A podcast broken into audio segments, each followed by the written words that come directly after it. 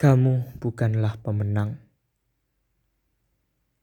Mungkin kamu berpikir bahwa dunia ini akan terus berpihak kepadamu.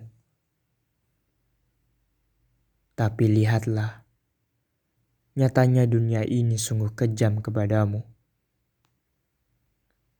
Di saat kamu diberi kesenangan, di saat itulah kesenanganmu bisa berubah drastis menjadi sebuah kesedihan. Kamu gagal mendapatkannya.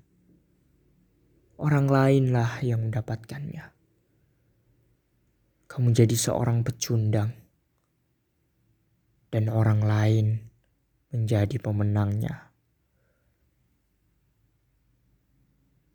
Percayalah, di dunia yang fana ini, kamu tidak bisa mendapatkan semuanya. Kamu tidak bisa menjadi pemenang dalam banyak hal. Kamu pasti kalah. Kamu pasti jadi pecundang.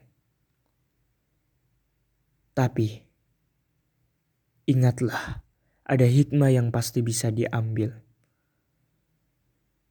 Mungkin hari ini kamu bersedih akan penolakan dan kekalahan.